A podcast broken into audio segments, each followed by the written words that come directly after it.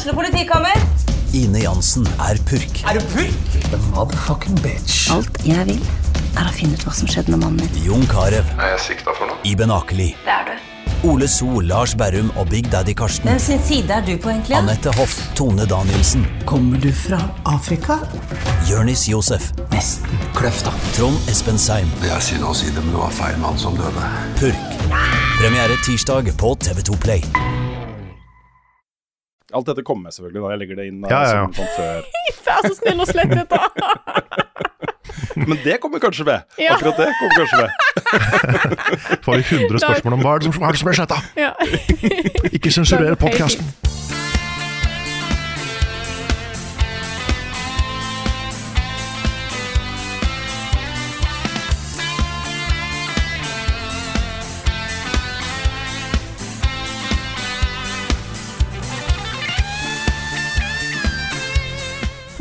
Blir lange og kulda setter inn, og snart kommer Level Up Awards til podkast-appen din. Men da er ikke før neste uke, for nå har vi fortsatt vanlig podkast-episode. Dette er Level Backup med meg, Frida Danmo, og med meg denne uka har jeg Karl Martin Hogsnes og Rune Fjell Olsen. Hallo, folkens. Hallo, hallo. Nydelig juledikt. Nydelig juledikt. Ja, Tusen, tusen hele, pod hele podkasten nå på rim. oh, Ja, ja åh, det har vært fint, vet du. Ja. Det her som er kanskje Norges minst Nei, det tror jeg ikke det er.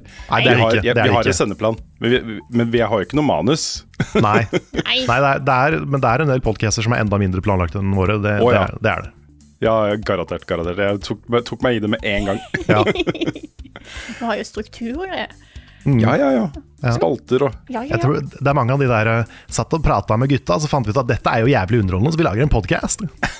Jeg har sett noen sånne eksempler eh, som både er ekte og parodier på ekte ting, hvor man bare sitter og skriker til hverandre og det er ikke måte på hvor eh, animerte man blir. Nei, ok, vi skal ikke disse andre podkaster. Nei da, det er mange, det er mange bra podkaster ute, altså. Da er det 100% Hvordan går det med dere, folkens? Nei, det går bra. Det går kjempebra. Det er, dette, dette er jo en veldig sånn spesiell tid av året. Fordi det er et eller annet med det at, at uh, ok, vi nærmer oss et nytt år, og da er det så mye som skal oppsummeres og rundes av, og du skal forberede innhold til, til romjula og, og ferie og alle disse tingene. Så det er jo litt den modusen vi er i nå, da. Uh, men det er, jeg, jeg syns alltid det er gøy å lage lister og lage preview-saker for neste år og Ja, for alle må, de tingene der. jeg må si at jeg innså ikke hvor nærme vi var jul og avslutning på året, eh, før plutselig de topp ti spill for hele året hadde kommet ut, Rune. Jeg bare sånn Å ja, shit, er vi der allerede? ja, men det er vel ikke sant? Vi er, det er der vi er. We have arrived. Den var Men, veldig eh, fin, forresten. Jo, takk skal du ha. Jeg, jeg syns jo dette har vært et veldig spennende spillår. Mm. Um, og, og skriver jo også i den saken på NRK. Dette er for, for øvrig en liste som også kommer på kanalen vår. Jeg har ja. ikke rukket å lage den videoen ennå, men uh, der fikk jeg sånn uh, dispensasjon da, fra NRK, siden det hadde vært veldig rart hvis jeg hadde en topp 10-liste på NRK og så en helt annen topp 10-liste på Level Up. Ja. Så dette Da må du i så fall vente så lenge at du ombestemmer deg. Nettopp. Nei, men, men jeg, jeg syns eh, når du har et år hvor, som har blitt litt sånn sandwicha mellom God of War og Elden Ring, uh, og veldig mye har blitt utsatt Mm. av de store, store tingene Selda skulle komme ut i år, Starfield skulle komme ut i år. Og når de blir utsatt, så skapes et sånn vakuum for uh, veldig, veldig spennende greier. De får mer plass å, å puste på, mer rom til å virkelig skinne. Og det har virkelig skjedd i år, altså. Det har vært et uh, nydelig år for, uh, for spill sånn litt utenfor allfarvei.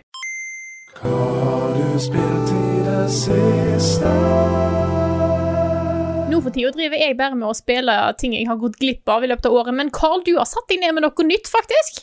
Det har jeg. Mhm. ikke, ikke noe veldig langt, men det kom jo en sånn eh, plutselig demo til Forspoken, som ble kunngjort på, på Game Awards. Og den måtte jeg prøve. Dette er jo da det nye spillet til uh, Square Enix, noen av folka som uh, sto bak Final Fantasy 15, i samme engine som Final Fantasy 15. Og det spillet her er jo kanskje kjent som det spillet som har den kule magien. Som har sånn helt insanely kule partikkeleffekter og sånn når du bruker magic. Veldig sånn magibasert kampsystem. Og det jeg er mest spent på, er egentlig kanskje historien og settingen og alt det der. Og det ble jeg ikke sånn veldig mye klokere på av den demoen her. Det var nesten ikke noe dialog, det var bare liksom combat. Så du blir kasta ut i en sånn åpen, stor verden. som ser litt ut som den verden i Sonic Frontiers. Veldig sånn samme Litt sånn tomme gressletter og ruiner og Akkurat sånn som i Sonic. Så det er veldig, veld, to veldig like åpne verdener, faktisk. Litt penere, da, her. De er jo, de er jo gode på å lage pene spill, disse folka. Jepp. Da skal de ha. Mhm. Men, eh, men man spiller jo da som en, eh, en dame som har kommet inn i denne fantasiverden fra jorda, på en måte. Og hun har da et, et, snakkende, et snakkende bracelet, som er på en måte sidekicken hennes. Jeg føler at det, er litt sånn inspirert av den boka fra Near, den uh, Grimoire Vice fra Near, uh, det første Near. Med sånn derre litt, litt, litt, litt sånn derre smarmy, britisk ovenpå-figur. Som på en måte skal krangle litt da med hovedpersonen. Som er litt mer sånn down to earth og normal. Men det jeg er mest spent på, etter å ha sett trailerne, og sånn, det er den dialogen i spillet. Og det var ikke så mye av den i demoen. For det kommer til å være mye sånn fram og tilbake mellom de to, sikkert gjennom hele spillet. Og jeg håper de klarer å unngå de derre De derre trendene med å være sånn overquippy i dialog. Ja. Med den derre He's right behind me, isn't he? Og, og liksom de tinga der. Sånn That just happened. Altså, at liksom at de, Hvis det blir for mye sånn, så ødelegger det ganske mye. Da blir det vanskelig å på en måte ta det, ta det seriøst. Men combaten var det jo litt kult å få testa da, i, eh, i den demoen her. Og den er veldig uvant. For det, er, det funker, funker sånn at du bruker L2 og R2 til å bruke magi. Forskjellige typer magi, og så kan du bytte liksom hvilket sett med magi du har. Og noe av det er basically melee combat, med sånn flammesverd og, og sånn. Og så har du mer sånn range combat, hvor du, hvor du skyter ting. Og det føltes nesten litt sånn third person shooter på noen ting. Fordi du, det handler mye om å liksom sikte magien på, på fiender og bare skyte de. Og det var, det var veldig det, det tok lang tid før jeg liksom begynte å føle at jeg visste hva jeg drev med. Og jeg er ikke helt solgt ennå. OK. Jeg håper at det er en sånn tilvenningssak. Fordi spillet er dritpent, og jeg ser liksom potensialet i combaten til å bli skikkelig kul. Men akkurat nå så føles det litt clunky. Hmm. Jeg håper at det bare er fordi jeg ikke er vant til det. Men jeg ble ikke, jeg ble ikke helt solgt, altså. Jeg ble litt mer sånn hmm, Litt mer nervøs for om dette her kommer til å bli eh, det jeg håper det blir, enn det jeg var før jeg begynte å spille demon, Og det er litt, litt dumt. Ja, det er litt synd. Men um, nei, jeg håper det blir bra. Og så var universet Jeg håper liksom det er fordi de har valgt en litt sånn anonym del. Men det var veldig tomt. Det var mye, det var ikke så mange kule kjennetegn på en unik verden, på en måte. Det var veldig sånne generiske fantasy-ruiner. Så ehm, jeg håper resten av spillet har litt mer særpreg, da. Så litt lunka, kanskje, etter den demoen. Men, ehm, men det er jo en, en veldig liten og veldig lite eventfull del av spillet. Ja, de har tatt Hva- eh, De må jo ta noe som sikkert da er utenom store storyting og sånt òg, sant? Mm.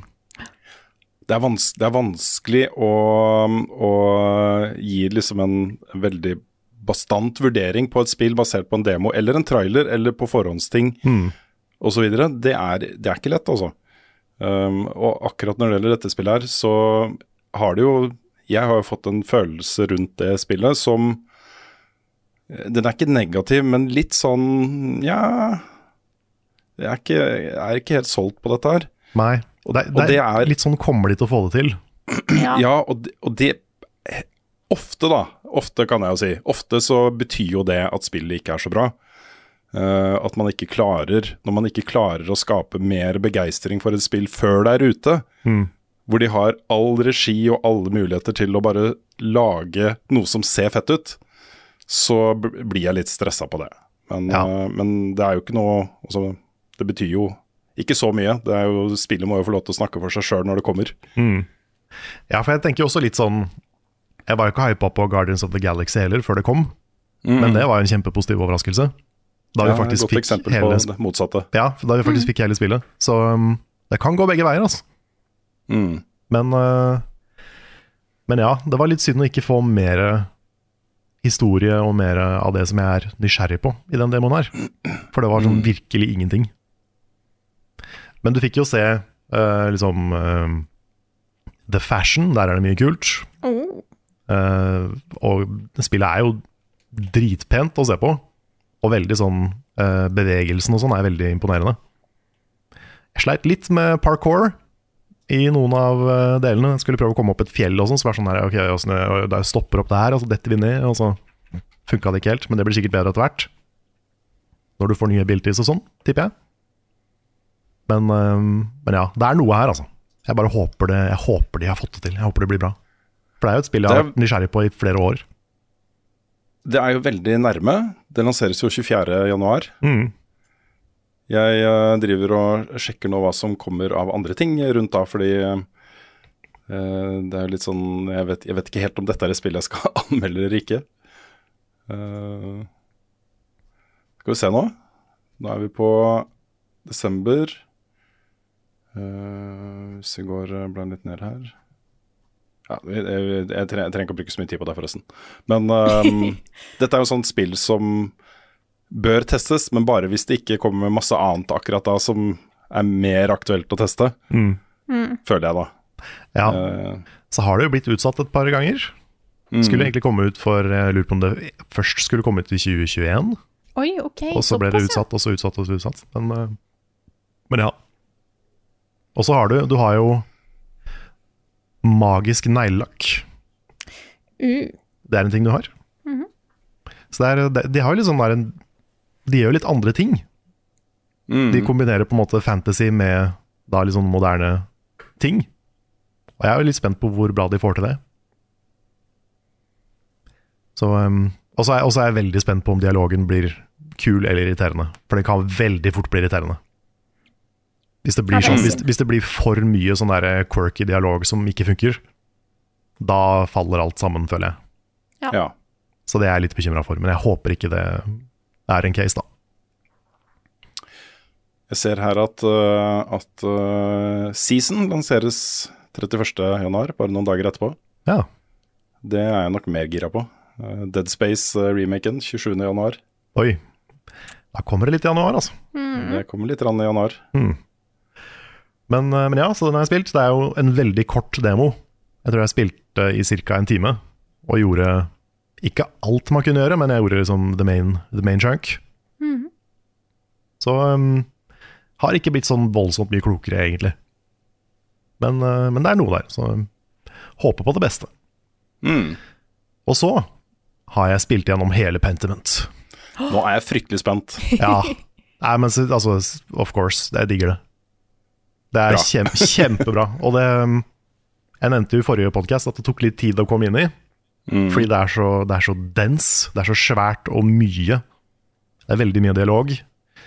Den byen du er i, føles veldig svær når du går rundt og må snakke med alle om alt. Mm. Så det tar litt tid før du liksom Før det Før det ikke er tungt å spille, på en måte. Skjønner akkurat hva du mener. Akkurat sånn som Disco Elysium var. Men så fort på en måte hooken kommer, så, så, så var jeg, da var jeg all in. Det er, jo, det er jo ikke Det er ikke en hemmelighet at det er litt eh, mordmysterieting i det spillet her. Og det Ganske sånn kort tid etter det begynner å skje, så blir det ganske spennende. For da, Mm. da har du hele den derre Du har flere mistenkte, men til slutt så må du på en måte velge hvem du tror mest at du gjorde det. Mm. Og hvis du velger feil, som du kanskje ender opp med å føle at du gjør uansett, så tar spillet det på alvor også, på en måte. Det er helt riktig. Det lar deg liksom ikke glemme at eh, du Ok, du redda kompisen din fra å bli um, fra frama for et drap, men det kan hende du drepte en annen for å gjøre det, liksom. Mm. Og det er en ganske sånn stor, tung ting som spillet faktisk tar um, Spiller på, da. Mm. Så det er veldig, veldig kult. Og um, Ja, det, det som er så fett der, er at du, har, du, du får en oversikt over eh, hva du kan gjøre for å, for å etterforske Mm. uh, saken. Og så begynner du på den, og så går jo tiden, og så eh, plutselig så har du sluppet, sluppet opp for tid. Du har ikke mer tid igjen, men det er fortsatt en tre-fire ting, tre-fire personer du ikke har snakka med, eller tre-fire ting du ikke har sjekka. Du må bare Du har begrensa informasjon. Du har ikke fullstendig informasjon, men så må du allikevel ta det valget, da. Ja, ja, det blir veldig sånn what if. Mm. Og det er litt, litt samme kalendersystem som i Persona. Hvor du, Ja. liksom, når du gjør noe, så går tida framover. Mm. Så du kan ikke gjøre alt. Det er veldig, veldig kult. Og så syns jeg det tematisk er veldig, veldig stilig. Det handler jo om, altså handler om veldig mange ting. Det handler om kunst og eh, liksom hva kunst krever, og hva kunst betyr. Hvor det kommer fra. Traff kanskje ekstra hardt når vi er opp, midt oppi en AI-kunstdebatt om dagen. Um, og handler om liksom hvordan eh, Altså den stillinga som kirken hadde på 1500-tallet, og tro versus science. Eh, det, er så, det er så mange ting som er interessante, som spillet går litt inn på. Mm.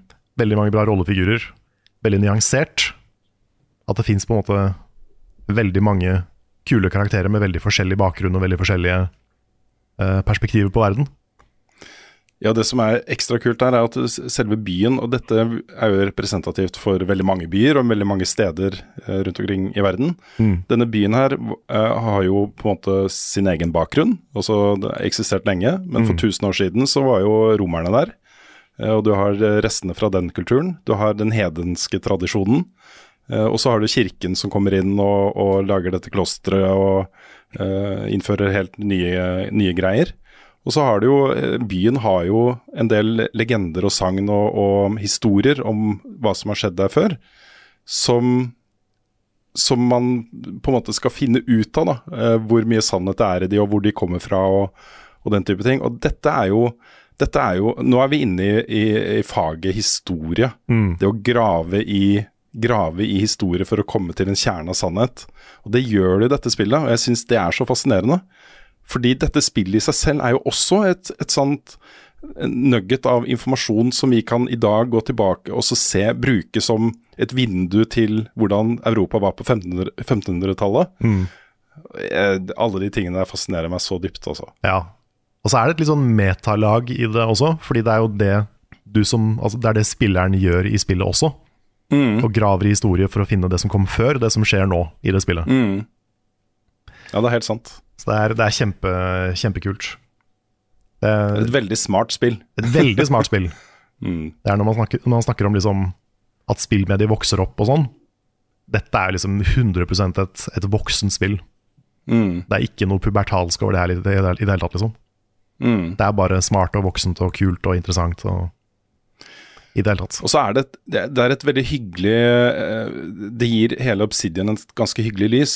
Her har jo Josh Sawyer, som jo er en superstjerne, superstjerneutvikler, jobba på mange av de aller, aller største hardcore eh, rollespillprosjektene som, som de har hatt.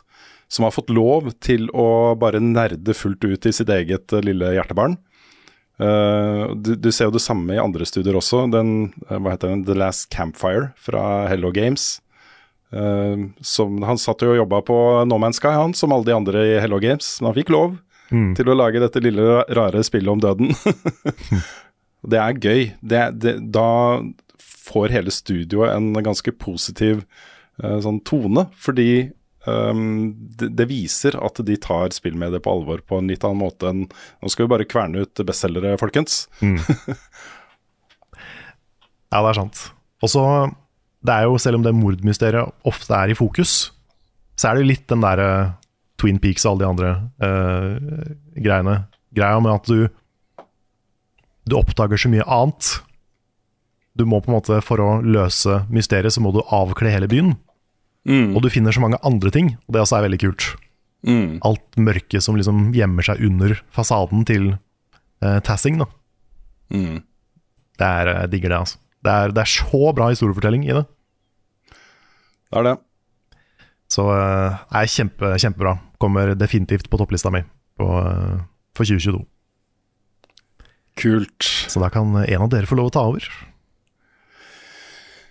Ja, Ja. Jeg, kan jeg, eh, jeg kan gå veldig kjapt, og så gi ordet til deg, Rune. Det er helt i orden. Jeg har jo nå uh, fullført, eh, sammen med Carl, anmeldelse av Sonic Frontiers. Yes. Den, eh, den er ute, så hvis ikke du har sett den, så er den på kanalen. Jeg har fått sett den noe. Jeg elsker den eh, sketsjen med hvordan du blir involvert i dette her, Frida.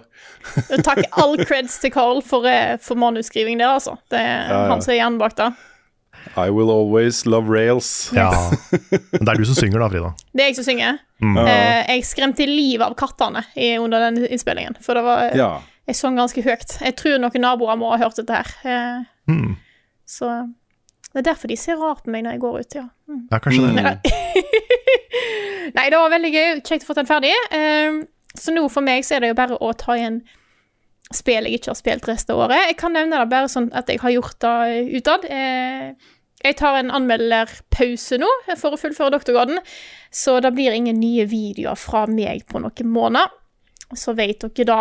Eh, så det, på en måte, nå er jeg, runder jeg av eh, anmeldelser for 2022, og så for noen måneder. Eh, så godt å få det ferdig. Men jeg har jo begynt på God of War Ragnarok nå. Ja. Hallo. -hmm. Jeg kom til en del timer ut i dag, og jeg storkoser meg. Veldig spent på å se hvor da spillet går videre.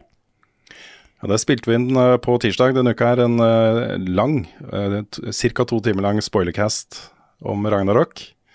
Det var da oss to, eh, Carl. Og så var det eh, Nick og Sebastian og Andreas. Stemmer.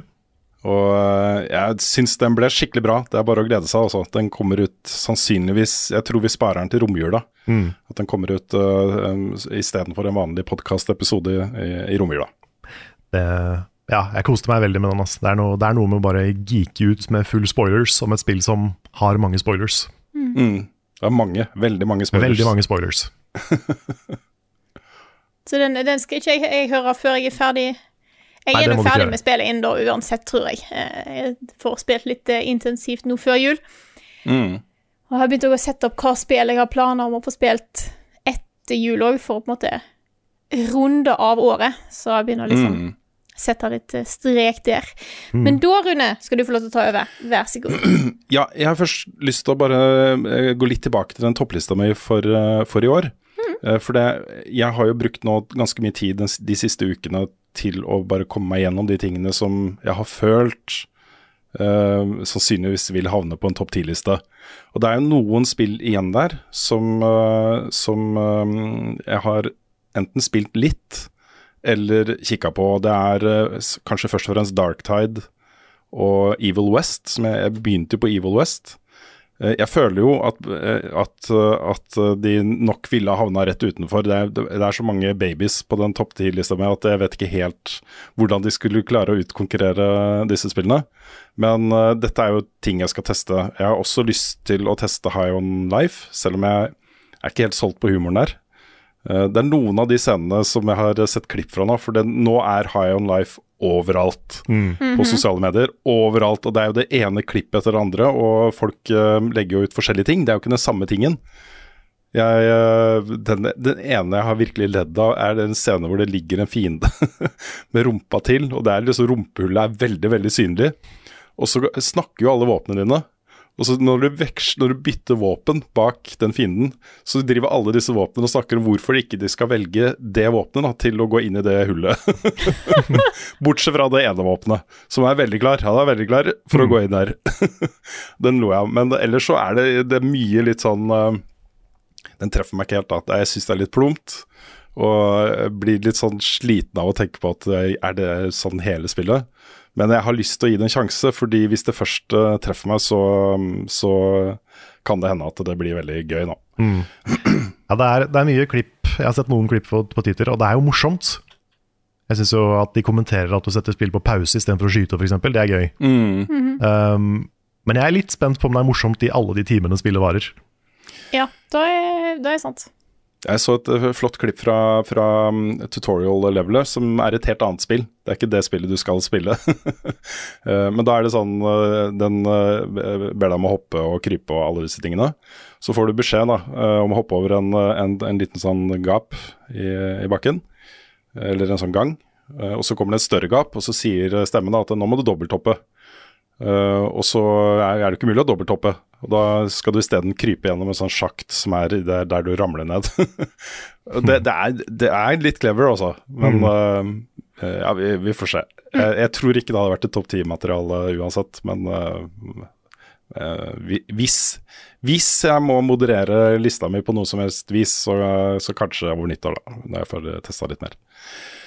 Ellers så I går så hadde jeg en eh, ganske lang eh, session med Sebastian i, i Modern Warfare 2. Fordi i dag, onsdag, lanseres jo det første raidet.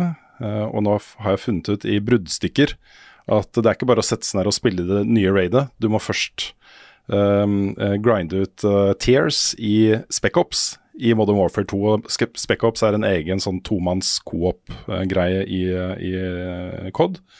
Uh, hvor du velger én av tre klasser. Eh, og ved å fullføre Spec-Ops missions i co-op, så får du stjerner som gjør at du kan levele opp disse klassene. Eh, og da er det sånn at eh, det er først på level 5 og 7 du begynner å få um, oppgraderinger til de klassene som virkelig er nyttige i endgame-innhold. Som virkelig hjelper da i en, en raid-situasjon. Så da, da var jeg jo på level 0 på alle. Så da drev Sebastian og jeg og Lars kom innom etter hvert og hjalp hverandre litt å levele opp der. Da. Så vi er klare for raid i kveld, håper vi. Eh, mulig det blir eh, stream. Jeg, jeg vet ikke helt ennå om vi kommer så langt, men eh, vi skal se på det, den muligheten. Jeg er veldig spent veldig spent på åssen det raidet er. Eh, og så eh, I helgen så runda jeg jo de to siste tingene som jeg måtte før topp ti-lista mi. og Det ene var eh, Norco, som jeg har snakket mye om. Eh, og det kom jo ut på PC i våres, PC og Xbox. Um, og da fikk jeg bare spilt ca. halve spillet før jeg måtte videre til andre ting, og endte opp med å velge å anmelde Tunic isteden, for de kom omtrent samtidig. Jeg angrer ikke på det valget, men det er litt synd at jeg ikke har fått runda det før, for det er ikke så langt. Det er sånn sju-åtte timer kanskje for å komme seg gjennom hele Norco. Uh, men det er et veldig bra spill. Uh, det havna rett utenfor topp ti-lista mi, dessverre. Men uh, anbefaler det veldig til alle som er glad i pek og klikk eventyrspill, og også litt, litt sånn annerledes type historier. For dette føles veldig atypisk spill, selve den historien i dette spillet. Nå har vi allerede tratt, dratt én link til Disko Lysium tidligere i podkasten, så kan du dra en til.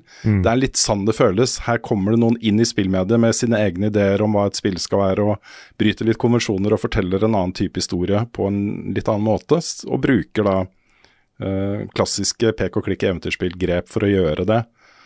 Eh, Det føles som det er historien de forteller som er det viktigste med dette spillet. Og jeg setter veldig pris på den. Har en utrolig kul tone og masse spenning. eh, Og drama og kule ideer og tanker og konsepter. Så, så dette er et, eh, et saftig eventyrspill, altså. Uh, og så kom jeg meg også gjennom uh, Signalis, som jeg jo starta på uh, en stream. Og spilte et halvannen time cirka av det. Og sånn, vent litt, dette er jo bra! og så ble jo Svendsen skikkelig gira på det og spilte igjennom og kom tilbake etter den opplevelsen. og bare sånn, det, Jeg har aldri blitt så fucka i huet noen gang av noe spill og var helt der. Så da ble jeg jo ekstra nysgjerrig. så nå har jeg kommet meg gjennom, og, og jeg skjønner hva Svendsen mener, for å si det sånn. Det er ikke en, en behagelig eh, opplevelse, dette her. Men jeg, jeg sitter hele tiden og jeg, jeg er så lykkelig over de designgrepene som har blitt gjort i dette spillet. Dette er jo et PlayStation 1-spill, vi- rent visuelt. Men med veldig moderne eh, formspråk og eh, ideer og tanker og, og konsepter. Og de blander jo da japansk manga med eh, Resident Evil 1996-spillbarhet. Det er liksom tysk brutalisme. Det er, det er så mange kule ting de legger inn her. Eh, og, og innimellom så er det noen sånn veldig harde brudd, hvor det plutselig ser ut som du ser på en, en, en litt sånn mørk uh, anime-film. Uh, I disse cutscenesene og sånne ting. Og så er du tilbake på gulvet og spiller et Resident Evil-spill, og så kommer det inn litt sånn tekstgreier her og der. Noe på tysk og noe på japansk, og det glitcher litt. Og det er en veldig sånn tøff opplevelse. Dette føles som en sånn Ehm, kunstprosjekt fra en design, en veldig kjent og så berømt god designskole med grafisk design og, og, og sånt. Dette, er, dette er, har et visuelt uttrykk som holder utrolig høyt nivå, altså. Uh, og i tillegg så er det et bra survival horrorspill.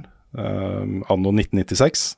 Dette, det, er, det er akkurat sånn det spilles. Begrensa med inventarplass og kuler og, og sånne ting. Uh, fiender som kommer mot deg sakte, men det er allikevel så knotete å spille det at det blir jo klaustrofobisk så det holder. Uh, og så er, tar det jo litt av, da, på slutten. Det gjør det. Eh, og en ting som jeg oppdaga med dette spillet, det har jeg ikke testa ut selv, da har jeg ikke runda det mange ganger, men hvis du gjør det, så kan du eh, få forskjellige slutter. Spillet har jeg tror det er fem forskjellige slutter, uh, og fire av de er bare basert på hvordan du har spilt. Har du vært veldig aktiv og skutt alt du kommer over av fiender, så får du én slutt. Har du, vært, eh, har du brukt veldig mye helseitems og sånne ting, så får du en annen. Hvis du har eh, løpt unna alle fiendene og ikke tatt noe særlig skade, så får du en annen. Og Det er en litt kul måte å tenke, tenke eh, slutter på, Mm. syns jeg. Så, um, så det, det, jeg har sett opp noen av disse på YouTube og sånt etterpå. da. Det er et, det er et utrolig bra spill også. Det havna jo høyt på min topp ti-liste for 2022, så jeg er veldig glad for at jeg kom meg, kom meg gjennom det.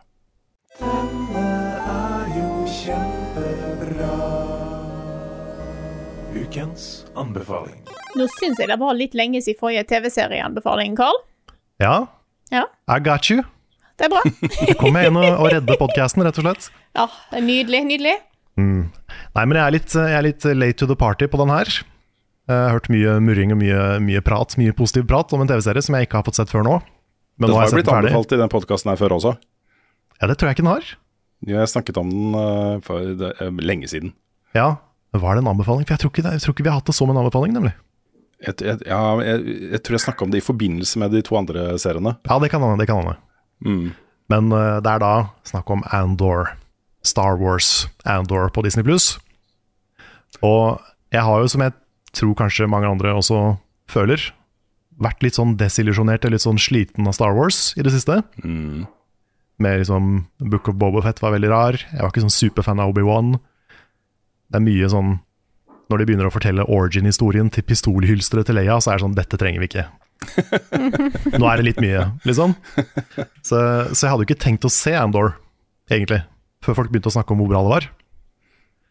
Og det er det beste Star Wars har vært på veldig, veldig, veldig lenge. Dette handler jo da om uh, opphavet til The Rebellion, liksom. Um, og måten de har fortalt den historien på, uten å spoile noe særlig, det er at de har gått tilbake til noe som var viktig for George Lucas også, da han skrev originale Star Wars. Og det er det mye av resten av Star Wars på en måte har glemt litt. Og det er det å skildre The Empire som liksom hardcore space fascists. Mm. Sånn virkelig Virkelig fæle, fæle mennesker, liksom. Med, med et utrolig undertrykkende marerittregime. Mm. Og det har de fått til her, da. Bedre enn Star Wars har fått til noen gang før. Det var så fascinerende å følge, for jeg har fortsatt bare sett de to første episodene av Andor, og de likte jeg kjempegodt. Mm. Uh, og så kom livet og andre ting i veien, og så ble det eh, House of the Dragon som eh, ble den serien som jeg hadde tid til å følge fra uke til uke. Men det har vært fascinerende å følge buzzer rundt den serien her gjennom høsten.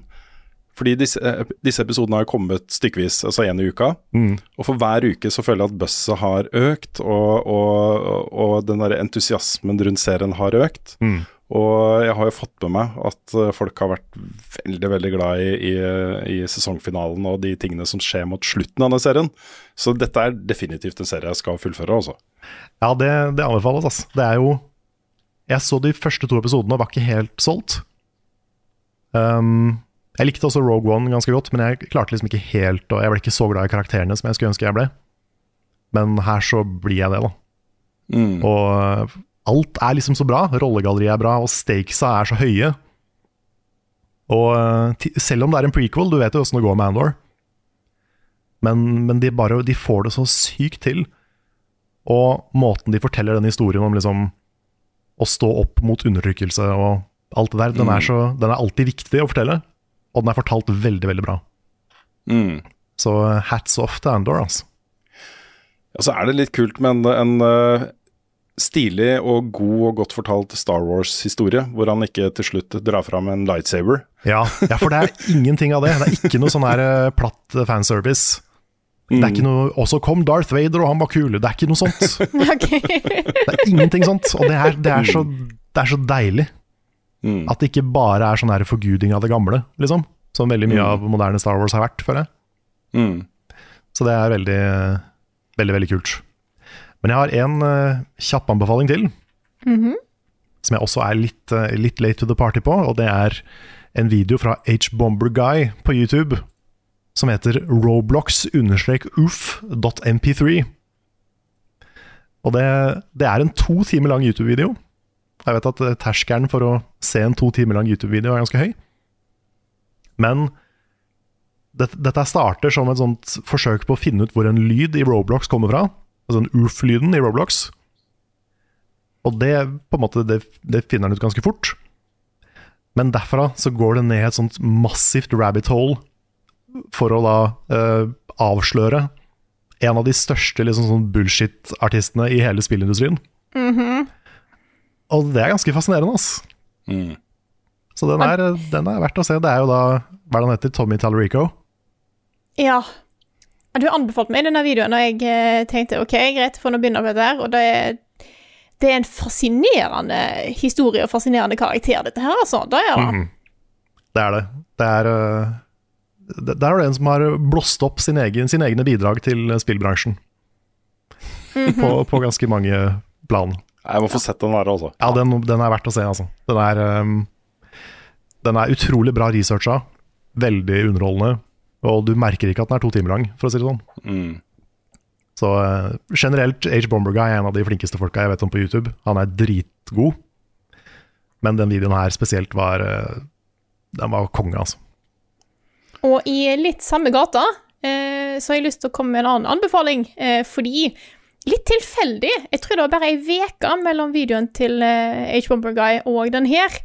Eh, dette er en video av eh, en kanal som heter Defunctland, som har en del dokumentarer og dokumentar dokumentarvideo om veldig rare theme parks.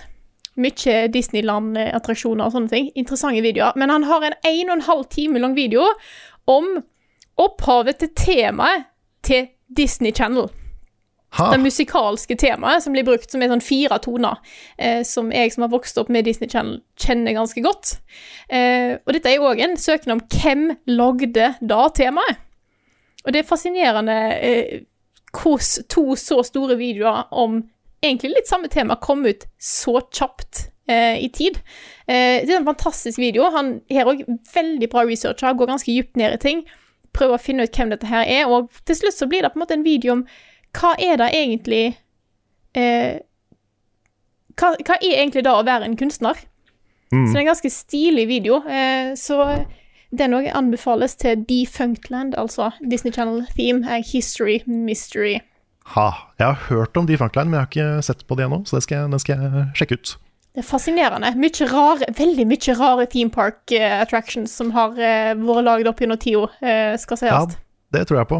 Og apropos det, så er det enda en kjempelang YouTube-video som kan anbefales, som må Yes. anbefales i sammenheng med det.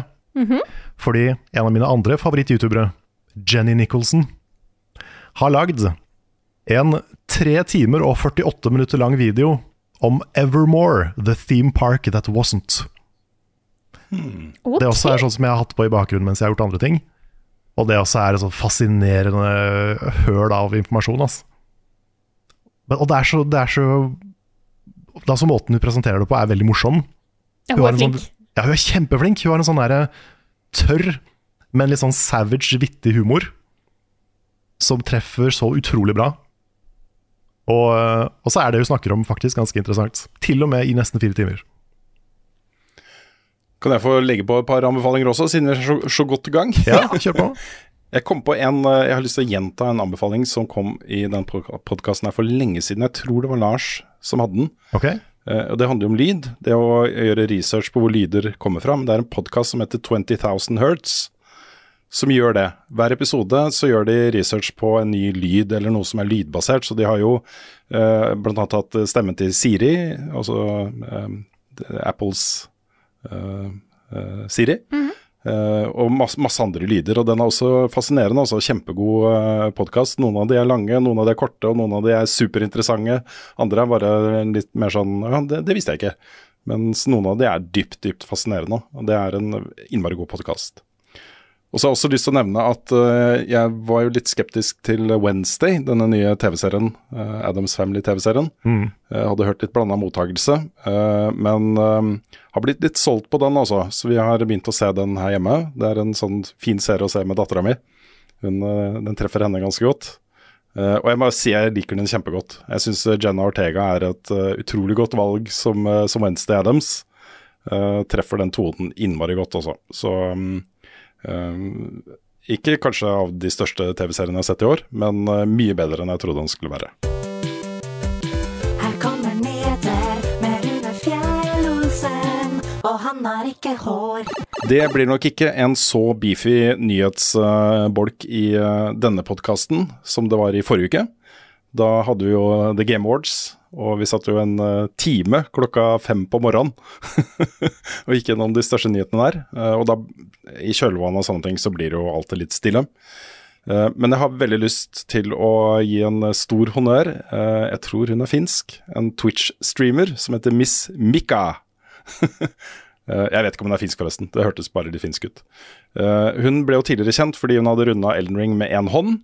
Og så ble hun kjent for å ha runda Elden Ring med dansematte. Mm. Og nå, akkurat nå, så pågår det en, en uh, serie med streams hvor hun runder Elden Ring med både dansematte og kontroller to forskjellige spill. Og så hun spiller, hun spiller Elden Ring oh, på dansematte ett spill, og så med håndkontroller et annet spill, og så er hun på samme sted begge steder. Og hvis hun dør en av de, så må hun eh, starte på nytt, da. What the hell? Og det er altså så vilt å se på, og hun er så flink, og det er så gøy, da. Eh, konseptuelt og, ferdighetene hennes og alt det der. Det er bare stor underholdning, altså. Ja, da må du være built different, ass. Det er galskap. Ja, det er helt vilt, altså. Så, um, så få med dere henne. Uh, Miss uh, M-I-K-K-A-A på Twitch. Hun er uh, helt overlegen, altså. Det er så gøy. Så jepp. Um, vi tar opp igjen en nyhet fra The Game Awards. Da fikk vi, der fikk vi avdukingen av Armored Core 6. Og vi som Fromsoft-nerds ut av annen verden var jo sånn Dette skal vi spille. Mm -hmm. Dette er From Software. Og det, det, er jo uansett sant, da. Eh, jeg er jo sånn Uansett hva de kommer med nå, så kommer jeg til å spille. Ja. Det, det, sånn er det bare. Uh, men vi hadde jo en diskusjon på om dette har noe Soulsborne i seg eller ikke. Og nå har jo da Miyazaki vært ute og sagt at nei, det har ikke det da egentlig. Uh, bortsett fra at teamet har jo blitt både større og mer kunnskapsrikt og har bedre ferdigheter og mer erfaring nå. Mm. Så det de kan få til med Armored Core, er noe helt annet enn det de har gjort før. Ja, ja så blir det litt mer melee combat enn det serien er kjent for, mm. virker det som. At de, de, tar i bruk noe av det de har lært der, fra litt sånn ja. nærkamp. Mm. Så det også er jo spennende. Ja, jeg gleder meg vilt til dette her, altså. Um, og det er, jeg, jeg, den, akkurat den sjangeren i seg selv, er det noen som kan tilføre noe nytt og sprøyte litt nytt liv inn i den, så er det FromSoft står høyt på den lista, altså. Mm. Uh, så sier du at det fortsatt vil være mission-basert. Det handler jo mye om å bygge og oppgradere og, og stelle med disse mekkene dine. Uh, og at uh, kjerneinnholdet vil handle mye om at det er fett å slåss da, med disse mm. mekkene. Um, så ikke forventa noe stor åpen verden eller noe sånne ting. Jeg forventa et litt mer tradisjonelt MEC-spill. Men forhåpentligvis da, med the magic from software touch. Oh yes. De har jo også sagt at det er en, en ny tolkning av Armored Core. Så selv om det heter Armored Core 6, så trenger du ikke å spille de fem første for å skjønne historien. Jeg har fått inntrykk av at de som regel har vært ganske standalone, uansett. Ja, jeg kan ikke nok om Armored Core til å vite Nei, om det er noe Jeg syns jeg så en tweet om det, da er jeg alltid baserer dette utsagnet på. Mm. Jeg vet ikke om det har vært noen sånn direct sequel som har bygd på hverandre, og sånn, men uh, dette er i hvert fall ikke det. da. Jeg så at Fighten Cowboy, som jo er uh, en av de største From Software-youtuberne, uh, mm. han har jo begynt å spille Armored Core 5 nå på kanalen sin. Så ah. hvis man har lyst til å freshe opp um, litt kunnskap om serien, så er det kanskje et ok sted å starte. Vi fikk også vite på Game Awards at Returnal er på vei til PC. og Nå er det blitt eh, kjent at uh, det er anbefalt med 32 gigabyte ram for det spillet. Oi. Vi har, jo, vi har jo sett at det er ikke bare bare å konvertere PlayStation-spill uh, til PC. Um, Little Big Planet, mm. det nyeste der, hadde jo litt trøbbel med framerate issues og sånne ting. Mens andre ting har vært veldig smooth. Så um, så akkurat uh, hva som er utfordringen her, det vet jeg ikke. Men det, det blir i hvert fall anbefalt, da. Med mm. såpass mye ram. Ja. ja. Returnal var jo PS5 exclusive også. Mm, det er så sant. Det var ikke noe Det var ikke noe um, PS4-versjon av det. Nei. Jeg skal spille det igjen. Jeg gleder meg til ultrawide, eh, forhåpentligvis. da, Kanskje 120 FPS og, Mm. og sånt. Hvis ikke de lager det, så kommer noen til å modne det. Absolutt. Og så bare en, en eh, litt sånn hyggelig eh, kuriosa til slutt her. Um, eh, det har kommet en ny trailer for filmen Spider-Man Across the Spider-Verse. Og det er jo den animasjons, oppfølgeren til den animasjonsfilmen som er det beste Spider-Man, eller kanskje til og med det beste super, superheltgreiene jeg har sett. Ja. Den er så fet, den filmen. Den er incredible. Mm, og den handler jo om uh, The Multiverse. Det, det, ikke sant? Ikke The Metaverse, men The Multiverse. Jeg sier riktig Multiverse, nå? -hmm. Nå sier du riktig. Mm. Nå sier jeg riktig. Jeg måtte sjekke Eh, det sånn seks ganger i, i, i manuset mitt av Bajonetta, for der òg er det et multiverse. Det er bare sånn at de ikke sa metaverse. Mm, nettopp. Men i den traileren så er også eh, Spiderman fra eh, Spiderman-spillet til Insomniac er med i den traileren. Det var jo eh, veldig, veldig artig, da. Ah, det catcha jeg ikke. Jeg har sett traileren, men jeg catcha ikke det. Mm, nei, det, har, det er en sånn liten sekvens hvor du kan se den Spiderman i, i uh, filmen også. Hva er hennes best, hvor var fredag sist? Har Carl egentlig sopp? Ukens spørsmål. Nå som vi driver runde av året litt, så må vi også begynne å se fremover. Så første spørsmål i dag er fra Mathias Kjølstad. Han skriver Har dere noen tanker om hvordan dere skal gjøre det med innhold til neste år? Kan vi forvente mer kosekveld, Hollow-Nick eller andre serier? Eller hva med flere Team Up-anmeldelser, osv.? Rune, du har litt info? Ja, jeg har jo litt oversikt over hva vi skal gjøre neste år. Det har vi jo alle sammen, da. Ja. Um, nei, vi, vi går inn i en veldig spennende eh, fase neste år. Uh, dette er jo um, det, er år to av uh, dette tette samarbeidet med Good Game. Um, vi, uh, vi er veldig spente på, på hvordan det går. Vi har jo hatt en prosess nå gjennom hele 2022 hvor det handla mye om hva skal man si, økt produksjonskapasitet, profesjonalisering av eh, innholdet vi lager, muligheten til å ta et skritt videre da, på disse tingene. Um, og kan jo nevne her også, jeg har ikke så mange detaljer om det ennå, men vi fikk jo nå for en ukes tid siden um, uh, vant en anbudsrunde hos Medietilsynet som ønsker å lage en svær sånn holdningskampanje som skal ta for seg trakassering og toxic oppførsel på nett. Eh, inkludert uh, altså juksing i e-sport og alle disse tingene.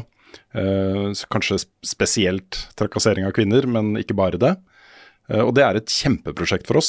Det er, det er rett og slett midler til å sette oss ned og jobbe i ukevis, månedsvis med et svært konsept som er journalistisk og vårt, men det er finansiert.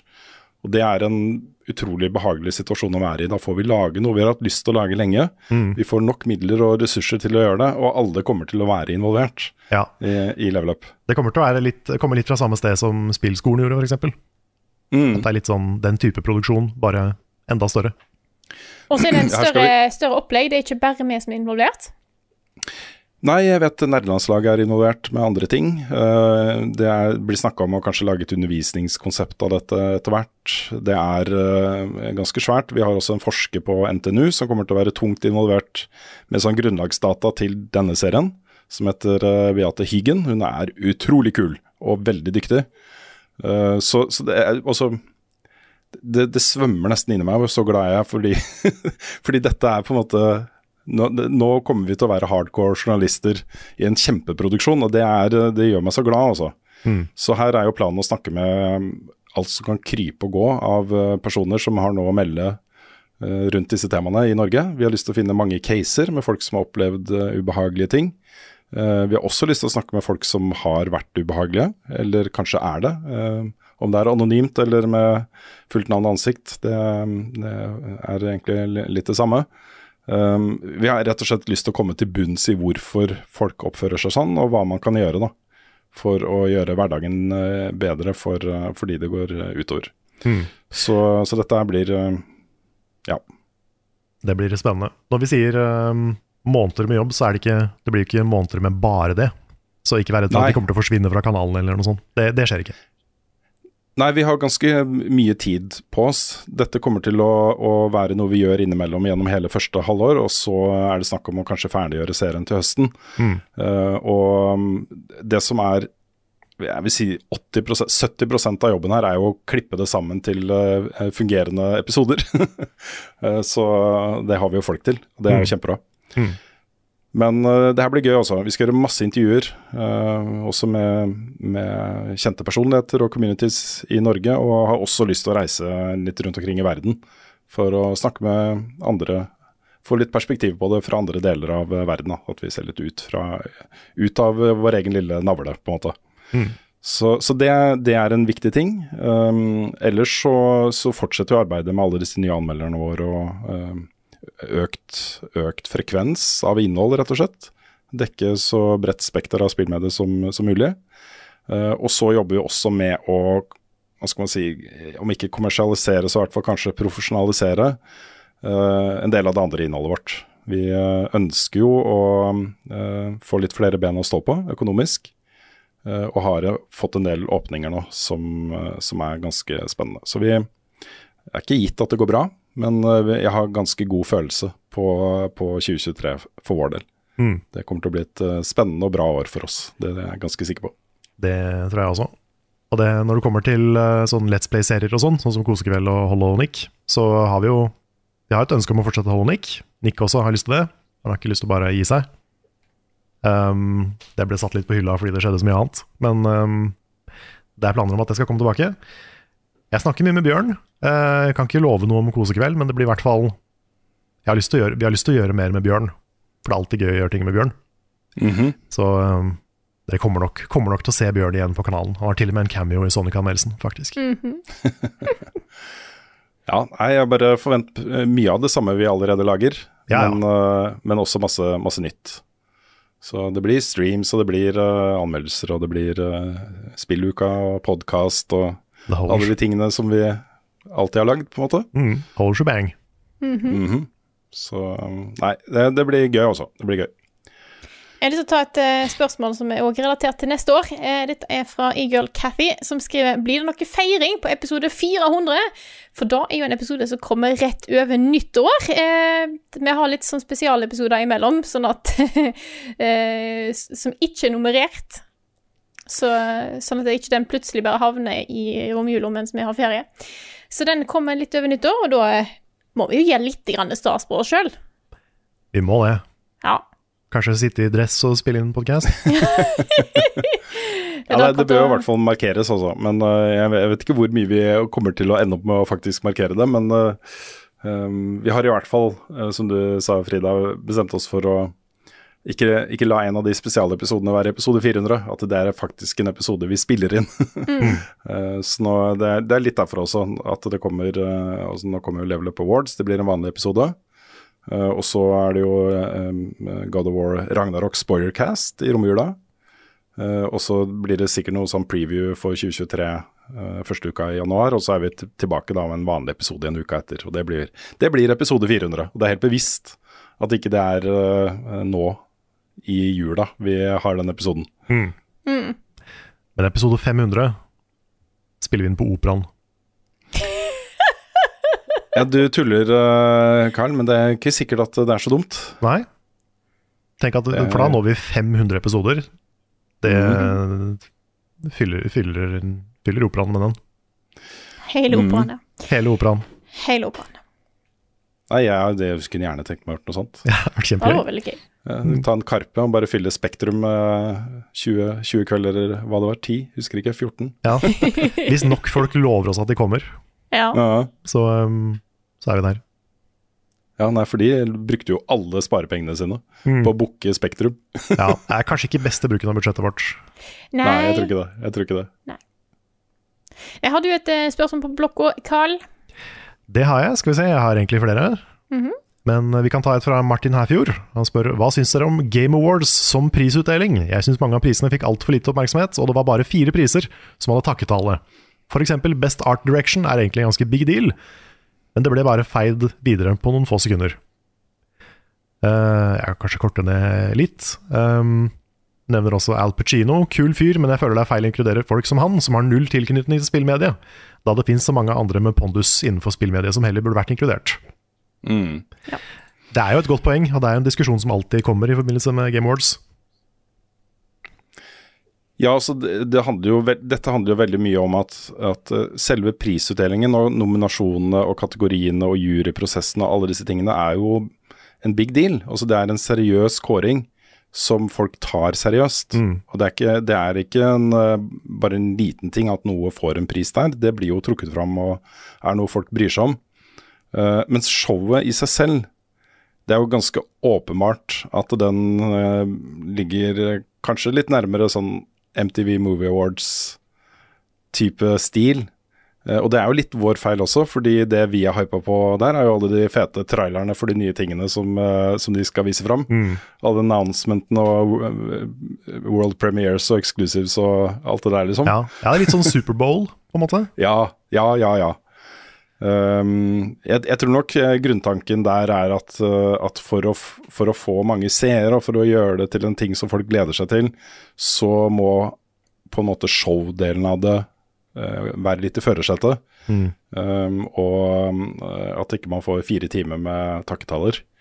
Um, vi har jo et par sånne kåringer som, eh, som også jeg vil si har litt mer sånn status i spillmiljøer eh, enn det Game Awards har. Du har Dice Awards, som er uh, eh, ah, Hva er det det står for igjen? Det står for Åh, uh, uh, Åh, jeg husker ikke. Hva sa du? Dice Awards? Ja, det er, det er DICE. Ja, nå med slutta. C-tasten min å funke. Det var jo spennende, det, vet du. Digital uh, Inconvenient Content Extreme. Uh, Gud, det var ikke så lett å finne, faktisk.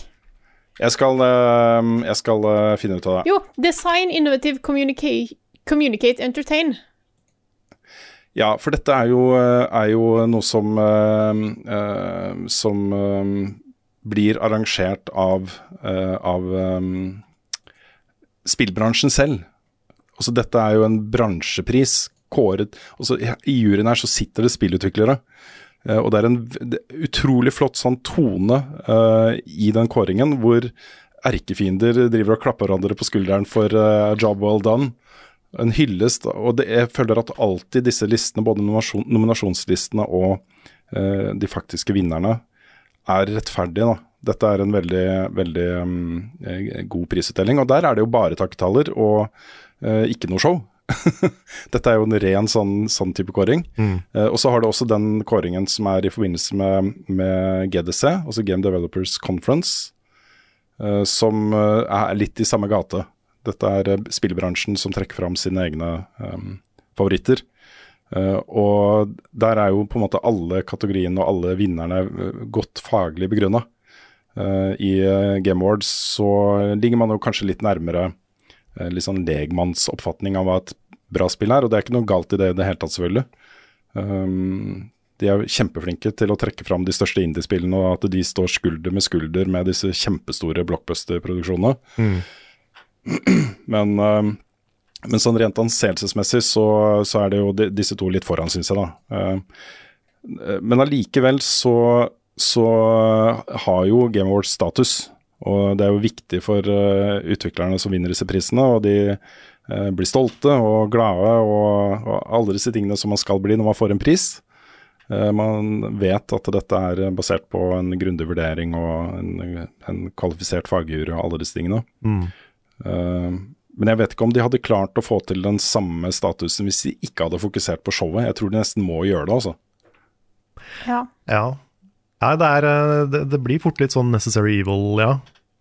Um, jeg tror Jeff Keeley hadde blitt veldig lei seg hvis vi sa at det minnet om MTV Awards. Uh, han vil jo sikkert veldig gjerne at det skal være Oscar, har jeg inntrykk av. Tror han, tror han Til å begynne med tror jeg ikke han var sånn kjempeglad for at uh, Josef Fares ropte 'fuck the Oscars' på scenen. det er jo blitt en meme etterpå, men jeg tror han, liksom, jeg tror han vil veldig gjerne Det virker som han fisker etter respekten fra de andre mediene, på en måte. Og det er der Ja, også man- Al Pacino kommer fra. Ja, Ja. men han, han, jeg, jeg, han Jeg føler han har på mange måter den respekten. Om, om kanskje ikke sånn bredt utover andre medier og sånne ting, men at, at uh, han blir tatt seriøst av Sandnes Moss. oss. Mm. Uh, og folk som er veldig glad i spill, setter jo pris på, på The Game Awards. Um, men, uh, jeg, jeg tenker at Martin har et poeng her når han snakker om, om Al Pacino og, og at uh, veldig få takketaler og den type ting. De kunne, de kunne gjerne hatt litt mer av det. Mm. Og kanskje hatt seks-sju, da, eller åtte priser som blir delt ut på scenen, hvor det er eh, takketaler og alle disse tingene. Um, det var jo noen flere takketaler enn det eh, Martin sier, for i preshowet så sto jo vinnerne klare rett ved siden av mikrofonen og kom inn og tok imot prisen og holdt en liten takketale. Mm. Men under selve showet så var det jo ve veldig begrensa, da. Ja, kanskje, kanskje Christopher Judge hadde sånn fem. Kanskje det egentlig var meningen at de skulle ha en 10-12 på scenen, men Ja, så brukte kanskje. Christopher Judge så lang tid at de måtte bare droppe det. Mm. Jeg skal ikke se bort ifra at det kanskje er noe i det, altså. Nei, kanskje, kanskje. At de måtte ta noe grep der. Mm. Men det var jo et flott øyeblikk, og jeg vil gjerne sett flere av den type øyeblikk. Mm. Uh, hvor, uh, hvor de faktiske vinnerne av prisen får eh, stå på scenen og takke de de har lyst til å takke, og, og sånt. Ja. ja, men jeg føler det har vært mer sånn Industry Icon-prisen, for eksempel. Har vært uh, lange taler på før. Det har vært liksom uh, talspersoner fra forskjellige Jeg føler det har vært mer taler før. Men han Mm, var, veldig, altså, han var jo kortere i år, da. Mm. Ja, Da må det man ha med i betraktning. De hadde jo kort Mm. denne showet fordi at det har vært altfor langt før. Ja, Det er jo litt tricky, fordi det jeg har lyst til å kutte ned på, det er jo det som finansierer hele greia. Ja.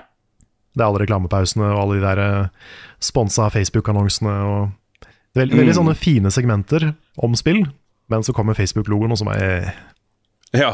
Ja. ja, det er sant. Så eh, det er liksom Det er det som er minst bra, men det er også det som betaler for showet. Mm.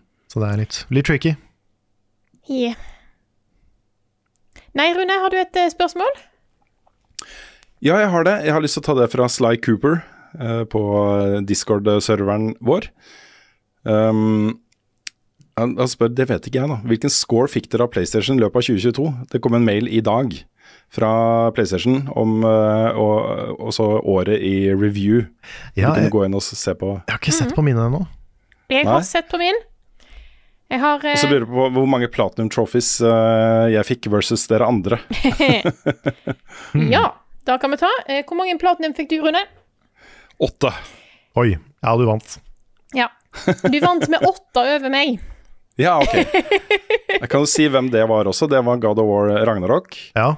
eh, Tunic, eh, The Last of Us Part 1, Stray, eh, No Man's Sky, Norco, faktisk, Elden Ring og Elden Ring. Yes, Ja, stemmer det, for du fikk jo Ikke sant? Mhm. Ja. Jeg, for, jeg har uh, Sonic Frontiers er det nyeste. Elden Ring har jeg. Husker ikke om jeg tok den i God of War, eller om jeg er et par unna. Det er mulig jeg har spart uh, det til eh, Give Me God of War-playthroughen. Men eh, i hvert fall de to. Det er ikke sikkert det er så mange flere. Jeg husker ikke hva jeg har tatt platinum i. Jeg kan jo eh, Altså, eh, det står hos meg at på PlayStation så har jeg 181 timer spilt. Mm. Så da tror jeg eh, er kanskje et lavere tall enn dere to har. Ser jeg 1150. Ja. 1000, jeg skjønner ikke hvordan jeg, jeg vet at min PlayStation står ganske mye på pause. Ja, det er min òg. ja. Det må jo være telt med her. Mm. Mm. Det er mange, det er mange timer, altså. Ja, det er mange timer. Jeg har 467 timer med Elden Ring. Det er mange har- timer. Det er mer enn meg, tror jeg. Jeg har Altså, 93. pluss PC, da. Ja. Mm. Ja, for at jeg er vel ikke Jeg kan vel si såpass Eller gjette såpass at Elden Ring er på topp hos, hos alle tre. ja, det tror Ja, jeg. uten, uten tvil. Men da er spørsmålet hva er deres topp fem spill? Ja, for det er også en ting her. Nå skal jeg prøve å logge inn, for jeg har ikke sjekka noe av det her. Skal Ja. se. Det står at jeg spilte 37 spill på PlayStation i, i 2022. Det er ganske mange. Mm -hmm. uh, ja, nummer én Elden Ring. Nummer to Call of Duty Modern Warfare 2. Tre God of War Ragnarok. Fire No Man's Sky. Og fem Returnal. Min er én Elden Ring, to Horizon Forbidden West, tre Sonic Frontiers, fire God of War Ragnarok, for jeg har ikke spilt det så mye ennå, og nummer fem Monopoly Plus. Oi, oi, oi. Herlig, ass. og den er level up-klassiker som, er- som slår inn der, altså. Mm. Det kan hende vi må ta et eh, annet spørsmål mens jeg finner ut mine. Yes. Fordi da nå, nå må jeg spille et puslespill på mobilen for å bevise at jeg ikke er en robot. Okay. Ja, nettopp. Det går ganske kjapt. Det går Ja. ganske kjapt. Og så må jeg huske passordet. Det er en annen ting. Ja, det kan eh, ta lengre tid. I mellomtiden så kan vi ta et kortet her fra Mathias Kolsrud Aase, som spør hva er deres must have julekake? Og Da inkluderer da ikke riskrem. Ja, ja, fordi det var det Mitt store spørsmål var jo det, da. Egentlig det Inkluderer Det er en juledessert, da er det, da, men ikke Ja, det er julekake. Da er jeg er, er veldig glad i brune pinner. Det som må kalles colakake. Mm. Mm. Den uh, snakket vi om uh, forrige uke også. Gjorde vi det? ja, du og Svendsen. Ja, stemmer. Det var, Det eh, var det vi snakket om ja. da. Mm. Brune pinner. Jeg, synes, jeg, vet heller ikke hva det er, Carl. Nei. Nei, Du kommenterte jo det i forrige uke. Jeg har en ja. boks. det høres ut som noen noe brune kuber. Jeg tenker på Pocky, ja. Dette japanske Ja, kjeksgodteriet ja. som er dekt av sjokolade. Tenker på en skikkelig ruke. Ja, jeg, jeg tenker på det også. Ja, Men eh, nei, jeg tror kanskje kransekake. Selv om det ikke kanskje er først og fremst en julekake, så er det kanskje det jeg liker best. Kransekake er godt, da. Du får sånne kransekakestenger, og så er det litt sjokolade på hver side. Mm. Ja, de er også sjukt gode. Ja. Sjukt gode. Nå blir jeg litt sånn her mamma på internett. Ja. Men hvor går jeg for å finne denne year in review på telefonen? Eh, du, må, du må ha en sånn link. På e-posten som du er registrert med på PlayStation eh, Ok, ja. hva- Du går på Du kan få Nei, jeg, kan ikke, jeg kan ikke få det opp bare på appen. nei Ja, det, det det, det er på internett. Å ja, ok. Yeah. Da, Men da jeg tror hvis du trykker, Gå går inn på uh, wrapup, wrapup.playstation.com, tror jeg kanskje du finner det på. Ok, ja, ja, det er en god idé. skal vi se. Wrap up PlayStation der, vet du. Relive your top gaming moments of the year, starting today. Mhm. Ok. Da må, da må jeg logge inn på nytt. Jeg kan svare kjapt på et spørsmål fra Jon eh, Hilmar. Ja. som eh, sier han fikk Destiny 2 til bursdag og lurte på om han kan spille solo, og hvorfor ikke eventuelt. Og så lurer jeg da på hvor jeg eventuelt kan finne folk å spille med. Og det er, eh, det er ikke så kult å spille Destiny 2 solo, altså. Du kan få gjort en del, men du merker fort at, eh, at eh, mye av det beste innholdet trenger du et fireteam til. Du trenger flere spillere, og litt sånn ymse hva du klarer å bare raske sammen i, eh, i eh, Looking for Group-gruppa, f.eks. til Bungie. Eh, På forumet der så er det en egen ting hvor du kan gå inn og si bli med på raids eller bli med på ting, eller sette opp egne grupper og sånne ting. Det beste du kan gjøre er å gå inn på LVUP Kartell, Discord-serveren, og bli med der. Det er tror jeg godt over 1000 eh, norske Destiny-spillere som, eh, som henger der, og som eh, blir med på raids og setter opp grupper og events. og Det er masse snakkekanaler og et godt sted å finne folk å spille med også. Og hvis du trenger link til den, så kan du gå inn på discorden vår, discord.gg slash levelupnorge. Der er det en egen kanal som heter Destiny, og der får du link rett til eh, Level Up Kartell-discorden. Go for it. Jeg tror det er fire fulle Destiny-klaner også. Det er uh, LVP Kartell, Syndicate, Vanguard og hva heter den siste? Jeg glemmer alltid hva den siste heter. Ja, én til. og det kan jo bare være 100 i en sånn klan, så da er det 400, 400 norske Destiny-spillere i level up-klaner i Destiny. Det er ganske kult, altså. Det er bra, altså. Mm. Nå er jeg inne. Uh Her står det i 2022 spilte du 649 timer Oh boy. på PlayStation. da. Mm. Ja. Eh, og skal vi se dette, dette her sier hvor mye um, Det sier noe om min spillsmak. Seks timer online. Ja, jeg hadde to. Oh, ja. Så det er eh, lite multiplier på meg, med andre ord. Mm. Og toppspill, skal vi se. Elden Ring med 392 timer. Det er en Ja, det var eh, bare bok. litt bak meg. Ja, det 70, ti- 70 timer bak meg, bare. Ja, det er ikke så verst. Og, og så har jeg God of War, Sonic Frontiers, Stranger of Paradise på fjerdeplass. Og så Final Fantasy 7 Remake på femteplass. Nice. Jeg kan jo nevne at det er jo også kommet inn på Switch. Eh, der var jeg fullstendig sjokkert over å se at der eh, toppspillene mine der var eh, Xenoblade Chronicles 3, Splatoon 3 og Bajonetta 3. Ja, ja det er ingen, ingen som er overraska over det, Frida. Nei. Nei. Jeg eh, lurer på om jeg har lyst til å ta et uh, spørsmål til her. Jeg vet ikke det kommer litt brått på med å få en vignett her, Karl. Å ja, det kom litt brått. Kom Nå, litt brått. nå driver jeg og logger på PlayStation. Vent, da, skal vi se. Skal jeg bare få, skal jeg bare få opp litt sånn rrrr, Og så sånn, og så go. Ukens Sin 4. Vi er vel kanskje ikke overraska over hva spill som kommer på topplista i år, men hvilket spill føler dere var det mest nyskapende i 2022? Det er altså spørsmål fra Trond Sinfor Borgesen, som jeg leste opp en blanding av bokmål og dialekt. Ja. Ja, Det var jo et uh, nyskapende Det ordet er liksom så vanskelig å definere. Det er det. Stor, Stort ord. Ja. Mm. Ting altså spill som gjorde eh, litt nye ting som overraska oss, da. Jeg, jeg tror kanskje jeg har Tunic øverst der, også, Ja, jeg eller eh, Immortality. Ja, jeg tenkte på Immortality. Ja, men også Pentiment og Ja. Signalis Mm. og Stray. Nå ser vi også bare hele Ja. topp 10-lista mi. Alle sammen. Jeg føler. Immortality er nok det nærmeste et spill jeg ikke har spilt før. For det har, det har, er litt, enig det, altså. det har litt til felles med liksom uh, Her Story of Telling Lies, men det er samtidig noe helt annet. Mm. Så tror det blir Immortality på meg, altså. Ja, for her har han jo Han har jo uh, satt opp et filmcrew. Mm. Uh, tre forskjellige filmcrews. Det er kjempegøy å se på rulleteksten til det spillet. Uh, tre forskjellige filmcrews for de tre forskjellige filmene, og så har han spilt inn de filmene. Mm.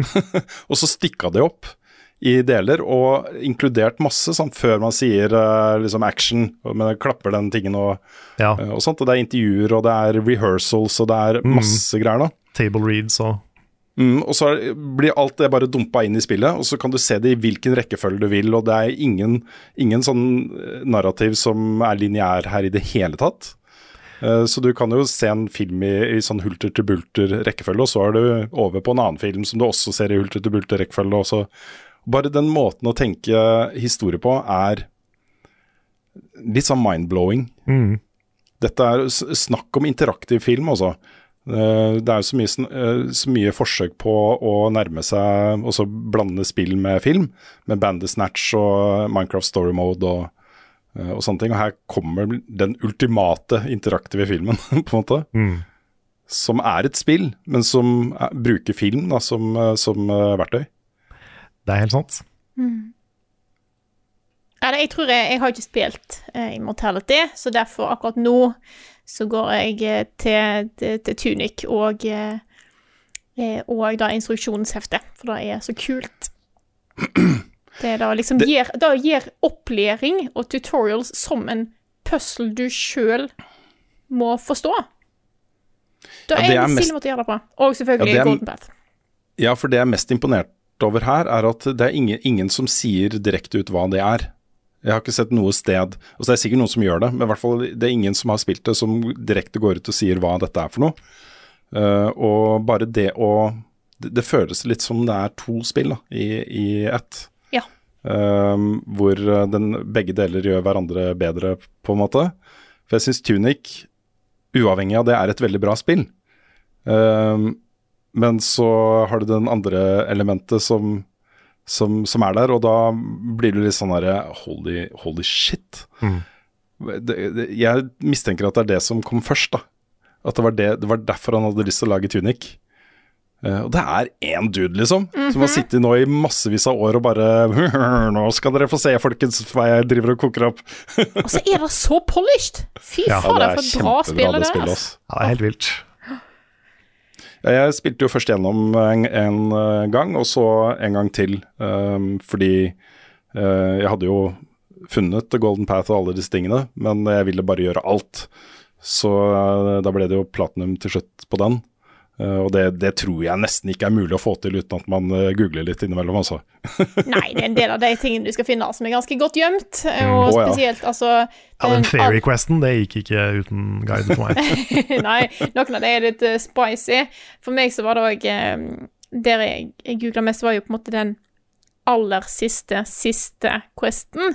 Um, den som, eh, som krever at du blant annet eh, forstår språket i Tunic. Da Ja. tok jeg ikke på egen hånd. Da var helt tydelig at det krevde en Reddit eh, et Reddit-community og lang tid for å collaborate Samarbeide rundt og, og finne ut av dette her, og da bare sa jeg gi meg, gi meg litt info, og så kan jeg heller gjøre ting ut ifra den infoen. Min favoritt-trophy i det spillet er eh, den som, som er eh, sånn at du skal plukke opp skytevåpenet før du plukker opp noe annet våpen i spillet. Oi! Og da må du spille spillet på en veldig spesiell og veldig kul måte. da. Du får oppleve spillet på en helt annen måte enn enn det du har vært vant til før.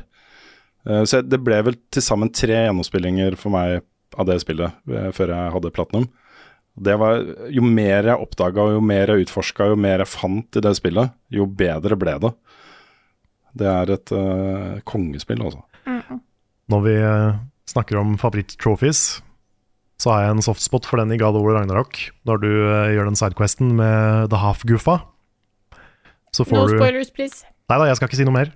Men da får du trophyen Full Goofa. ja. Det er gøy. Oh, det er fin tittel. ja, det er kjempemorsomt. Jeg har lyst til å ta et spørsmål til her. Okay. Det er greit. Det er fra Det er Tom, er Tom Erik Nessø, som skriver Hei sann, folkens, og god førjulstid. Vi som har hørt på podkasten og sett diverse videoer og streams de siste åra, har, hørt en setning, eh, har vel hørt den setninga her et par ganger. Dette er noe av det beste jeg har sett slash spilt slash hørt noen gang. Men Ja. hvor lang er egentlig noe av det beste oi, oi. listene deres? Har nok blitt Snakk ganske lang. Ja, snakk om å bli tatt med buksene nede. Ja. Ja. ja for jeg, for jeg, når, jeg hører at vi sier det ganske ofte. ja. Mm. Jeg har sikkert sagt det veldig ofte. Men jeg føler samtidig at liksom Jeg har ikke sagt om noe som ikke har fortjent det. Nei, jeg også tenker at hver gang jeg har sagt det, så er det noe som fortjener det. Og et eksempel på det da er at for mange år siden, nå snakker vi før level up, um, så satte jeg meg ned for å lage en sånn topp 20 beste spill jeg har spilt noen gang-liste. Eh, det var i den perioden hvor jeg hadde en egen blogg på, på VG-nett som het eh, Ludo Ergosum, het den. Ludo. Um, og da var jeg plutselig oppe i 100 spill Eh, og det var da. Mm. Tenk alle de spillene som har kommet etterpå. Uh, og det er jo Det er litt sånn at ok, du har en topp 10-liste som kanskje er også Det er virkelig noe av det aller beste du har spilt, men rett bak, rett bak, vi snakker millimeter unna, så er det kanskje 200 andre spill som også har vært dritbra. Ja, så spiller vi jo veldig mye i løpet av et år. Mm. Og da, jo mer man spiller, jo flere. Noe av det beste får man. Så det er ja, for den lista blir lenger og lenger. Jeg gjør det. Ja, For det er ikke sånn at hvis det kommer noen som har gjort dritbra historiefortelling, så danker jeg ut de som var der før, nødvendigvis. Mm. For det er jo ting som er bra på sin egen måte. Mm. Men det, er alltid, det, var... det blir alltid nye to beat, da. Det blir jo det. ja. Jeg husker det var et grep jeg brukte en del uh, i eh, mine tidligere altså, første år som anmelder, eller første 10-15 år. Uh, så brukte jeg litt for ofte den tidenes beste. Litt sånn kategorisk slo fast dette er tidenes beste sånn og sånn. Mm. Uh, den, den er jeg veldig forsiktig med nå. Selv når, da jeg anmeldte Eldring, så må jeg bruke sånne uttrykk som kanskje et av tidenes eh, Ja. det, jeg, jeg tror jeg ville satt det Et av tidenes beste spill, tror Ja, for det jeg tror jeg det. at jeg også sa om Elden Ring. Ja. Men jeg vil ikke kategorisk slå fast, for jeg vet jo nå at uh, det kan gå et år eller to eller tre, og så uh, ser man litt annerledes på det. Mm. Uh, ikke at man endrer mening, kanskje, men at man eh, setter det i et litt større historisk perspektiv. Og det, Ja. det kan jo gå begge veier, det. Det er noen spill man har spilt som man tenker åh, det her var amazing. Og så går det noen år, så innser du at dette har så stor plass i bevisstheten min og i livet mitt at det her må inn på topp ti. Mm. Det, ja. Og så har jeg ikke noe tro på at det fins ett beste spill heller. Det er på en måte det, det føles rart for meg. Så det blir liksom alt blir Ja. noe av det beste, og blant de beste og på toppen, liksom. Men det er ikke ett beste spill. Det fins for meg perfekte spill, men det fins ikke et da perfekte spill. På en Nei. måte, hvis det gir mening. Det fins så mange måter å være best på. Ja. Ja, Og så er det sikkert det finnes perfekte jo spill heller. Nå ble jeg litt sånn usikker på min egen ordlegging. Jeg trekker den litt tilbake igjen og setter den inn i tankeboksen litt, jeg tror jeg. Jeg, jeg vil si altså, det, det, Dette er jo ikke et, et av mine favorittspill, men Undertale, Ja. basert på hva den, det prøver å få til, vil jeg Ja. si er perfekt. Ja. Ja, det, for der, der er jeg, og jeg syns jo det, det gjør nøyaktig det det skal gjøre, på en helt insanely bra måte. Ja, jeg har tatt det ut av, ut av tankeboksen igjen, jeg er enig. Eh, Den er ikke blitt endret. Ja, Bloodborne Portal, Portal 2 er et sånt Mm. perfekt spill um, opp, opp, bortimot. Ja. Men, øh, men når det gjelder øh, det å rangere topp fem, i hvert fall, da, og kanskje til og med topp ti, Mm. er det jo litt sånn dagsform og sånt som avgjør. Uh, Ja, ja, ja. jeg, jeg, jeg tror jeg har liksom tre, fire, fem som er helt der oppe, som er veldig vanskelig å skille mellom, da. Men øh, men uh, et poeng, da, øh, basert på, på Tronds øh, spørsmål her, er jo at det er litt lett som anmelder å, å gå litt i, i den, den leiren der. Og um, Det var Tom Erik sitter- som hadde spørsmål nå, forresten. Var det Tom Erik? Som hadde Ja, det var det. Ja, ok. det var det. Det var forrige spørsmål. Yes. Jeg går i All right. Går rett. Nei, eh, f- fordi eh, en av de tingene som jeg får tilbakemelding på av type negativ eller kritikk, da, uh, som jeg tar konstruktivt, det er jo at når jeg først elsker noe dypt og inderlig, som med f.eks. Elden Ring, så er, blir gjerne anmeldelsen ganske sånn det, det ordet som, det, som dere måtte google, tror jeg. Da jeg sa det første gang, panegyrisk. Panegyrisk, ja. Ja, mm. Panegyrisk Mm. det, det er ikke måte på hvor mye superlativer som kommer ut av kjeften min. Mm. Eh, og det er um, både, Det er både en ting som jeg syns er litt positivt. Jeg syns anmeldere må få lov til å ta litt av når de virkelig, virkelig brenner for noe og har en, den passion og lidenskapen for et, en opplevelse. da. Eh, Men samtidig så er det også et Man kan ha et argument for å, for å um, prøve å holde i hvert fall én fot på bakken da, når man skriver en tekst og et manus til en anmeldelse. At, eh, at man eh, innser at man er i en sånn boble av hype, og man sitter midt i det. Man har akkurat vært i den. Eh, og jeg har opplevd flere ganger at, at kanskje den alle liksom den Nå tar det så av her at jeg vet ikke hvor jeg skal gjøre meg engang, type følelse. da.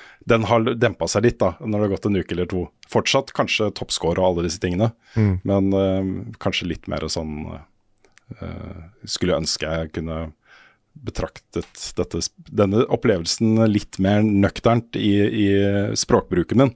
Mm. Ja, jeg, jeg, det er jo Av den grunn så er det ofte at jeg på en måte lar ting Det er veldig sjelden at jeg setter meg ned og skriver en anmeldelse rett etter jeg er ferdig med et spill. Eh, eneste gangen jeg har gjort det, er Gris. Fordi da hadde jeg så mye følelser at jeg følte at dette må jeg Dette kan jeg kun formulere akkurat nå. Mm. Eh, ellers så lar jeg alltid ting synke litt eh, inn, da. Bare for å prøve å samle tankene, som det heter så på fint. Apropos, Gris lanseres jo i dag til next gen. 4K 120 FPS og Ah. greier og greier. Og greier og greier, herregud. Ja. Da vurderer jeg å spille eh, på nytt bare for å oppleve det på min eh, big screen Mm. Mm. med big frames. Da runder for i dag, gjør vi ikke det? Det gjør vi. Herlig. Dette Yes. er podkasten Level Backup, utgitt av moderne media. Låten i introen og outroen er skrevet av Ole Sønnik Larsen og arrangert og framført av Kyoshu Orkestra. Vignettene er lagd av fantastiske Martin Herfjord. Innholdet vårt da finner du på youtube.com slash levelupnord. Der ligger det masse nye anmeldelser. Vi har hatt ganske mange anmeldelser i det siste, faktisk. Så der, er- hvis du ikke har vært innom der, check a look. Eh, hopp også inn på twitch.tv slash levelupnord. Der ligger vodsene våre eh, fra tidligere streams. Eh, bli med på discord.gg slash levelupnorge. Ja, der holdt de på å stoppe opp midt oppi URL-en, men den stemmer. Eh, for å bli med i vår community, og sjekk ut merchen vår på levelupnorge.myspreadshop.no. Der er det gensere og T-skjorte og pute og håndke, forkle og you name it. Alt. Ja, og, og sånne bodyer til babyer. Der står uh, uh, I would rather play Elden Ring på, er det ikke det? Ja. Yeah, we got it. Mm. Så der er det, får du alt du trenger. Og eh, vi vil alltid eh, rette en stor takk til alle dere som støtter oss på Patron. På patron.com slash levelupnorge. Vi kunne ikke vært uten dere, og eh, får takke dere alle som er med oss nå, og som har vært med oss hele året, og eh, alt. Det, dere er bra folk, så tusen, tusen takk. The best. Ja, tusen takk, folkens. Og med det så eh, blir vi litt av den siste ordinære podkasten før jul. Det kan hende at vi sniker inn litt sånn spilt siden sist i Awards-episoden også, kanskje. Kan det. Maybe. Vi har ikke snakka så mye om det. Nei, ingenting er planlagt her, vet du. Det er da med, med, med bare skyter fra hofta. Eh, men uansett, eh, dere hører fra oss neste uke, så da snakkes vi igjen neste uke.